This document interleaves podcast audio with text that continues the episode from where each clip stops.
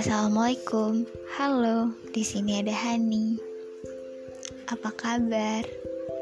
Semoga kamu dalam keadaan baik-baik aja dan terhindar dari virus corona. Amin. Udah lama ya kita nggak bersua di podcast ini. Udah 2021 aja nih. Udah bulan Maret lagi. Dan baru sekarang episode pertama di tahun 2021 abisnya bingung sih harus mulai episode podcast di tahun baru yang kayak gimana. Dan akhirnya sekarang baru buat. Oh iya ngomong-ngomong virus corona virus corona udah setahun aja nih di Indonesia. Uh, semoga cepat pergi cepat nggak ada lagi. Cepat cepat pergi deh pokoknya. Bukan cuma di Indonesia tapi di satu bumi nih by the way guys uh, do you miss me? Iya kangen sama aku gitu. Tapi kayaknya enggak ya. Hah ya udah deh skip aja. Nggak penting juga. Oh iya uh, tahun-tahun kemarin sampai tahun sekarang banyak hal sulit yang udah saya laluin. Dan mungkin kamu juga yang sedang dengar podcast ini. Bahkan kayaknya sulit lebih sulit hidup kamu atau bisa jadi hidup kita, hidup saya uh, sesulit apa pun masalah yang kita hadapin itu nggak pantas untuk jadi bahan pertimbangan. Karena tiap masalah bagi tiap orang punya kadar beratnya masing-masing. Apa sih? Tapi pokoknya intinya gitu. Hmm, dari tahun-tahun kemarin sampai sekarang udah banyak hal yang dilaluin. Dari mulai jatuh bangun isak tangis sakitnya kemudian sehatnya. Dan gak jarang saya juga suka ngeluh marah dan rasanya mau nyerah aja tapi saya beruntung. Ada dukungan dari beberapa orang yang dekat di hidup saya. Mereka berhasil mendatangkan kembali semangat dan harapan bagi saya. Dan ini, ini jadi salah satu hal yang saya syukuri. Saya dikelilingi oleh orang-orang baik. How lucky! seberapa beruntung saya beruntung banget saking beruntungnya saya ingin jadi orang-orang baik bagi mereka juga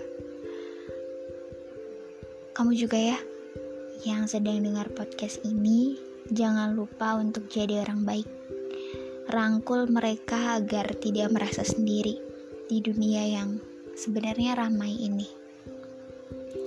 kehadiran mereka yang saya sebut orang baik ini jadi satu alasan mengapa saya harus kuat dan tetap hidup. Doa-doa baik dan harapan mereka yang luar biasa bikin saya gak mau untuk ngecewain mereka. Dalam hidup, pasti akan selalu nemuin kesulitan, akan selalu nemuin masalah-masalah. Hmm, saya manusia saya suka capek nangis juga. Dan ketika saya memilih dan ketika saya nemuin si kesulitan ini nemuin masalah ini saya yang saya sebutin tadi saya suka capek saya suka nangis. Dan itu semua hal yang wajar. Kalau kamu juga gitu ketika nemuin satu masalah ketika nemuin satu kesulitan dan kamu cap ngerasa capek dan nangis itu jadi satu hal yang wajar. Wajar banget. Jangan sok kuat deh. Gini ya nangis itu bukan pertanda kalau kita lemah. Kadang emang ada satu hal yang emang kelihatannya susah dan kita harus nangis dulu kali ya biar kelihatannya gampang. Ada hal-hal yang kayak gitu. Tapi ya ini satu kuncinya. Nyerah. Nyerah bukan jadi opsi yang harus kita kita kamu saya untuk pilih. Sesulit apa pun nyerah bukan jadi opsi yang harus dipilih karena di balik semua kesulitan yang kita hadapin, ada banyak hal baik yang Tuhan kasih sama kita. Seperti yang saya bilang, kalau nyerah bukan jadi opsi. Ya, gimana ya? Saya masih pengen hidup. Saya belum nonton konser BTS. Saya belum banyak namatin film. Saya juga masih belum banyak namatin buku-buku. Saya belum ke Korea Selatan untuk liburan. Saya juga belum ngunjungin kota-kota besar di Indonesia. Saya juga masih mau makan es krim. Saya masih mau hang out bareng sahabat-sahabat saya. Saya harus kerja dulu. Saya mau bantu orang tua saya dan kamu yang denger podcast ini pasti juga punya banyak alasan untuk gak nyerah. Coba cari alasan itu sebanyak-banyaknya agar ketika kamu nemuin satu kesulitan, kamu gak bakal nyerah. Ingat ya, menyerah bukan jadi opsi.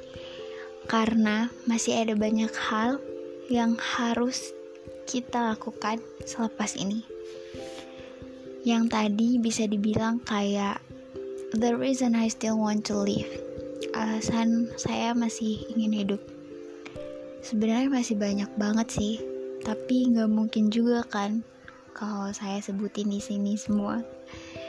Yang ada durasinya kepanjangan. Um, di tempat tinggal saya sekarang saat saya sedang merekam podcast ini sedang turun hujan. Bisa dibilang saat ini adalah saat yang menenangkan ketika suara bising berubah jadi sunyi. Paling yang terdengar cuman suara rintik hujan yang mengenai genting-genting rumah. Saat ini juga muka dan tubuh yang sudah seharian berperan akhirnya memasuki kamar dan melepas topengnya masing-masing. Dunia seakan berhenti untuk sejenak. Bumi seperti sedang ambil cuti. Sekarang semua bisa rehat untuk melemaskan otot-otot. Beruntungnya kita, Tuhan telah berbaik hati menjadikan malam sebagai waktu yang tepat untuk istirahat. Karena sekarang sudah malam, dan selamat beristirahat. See you.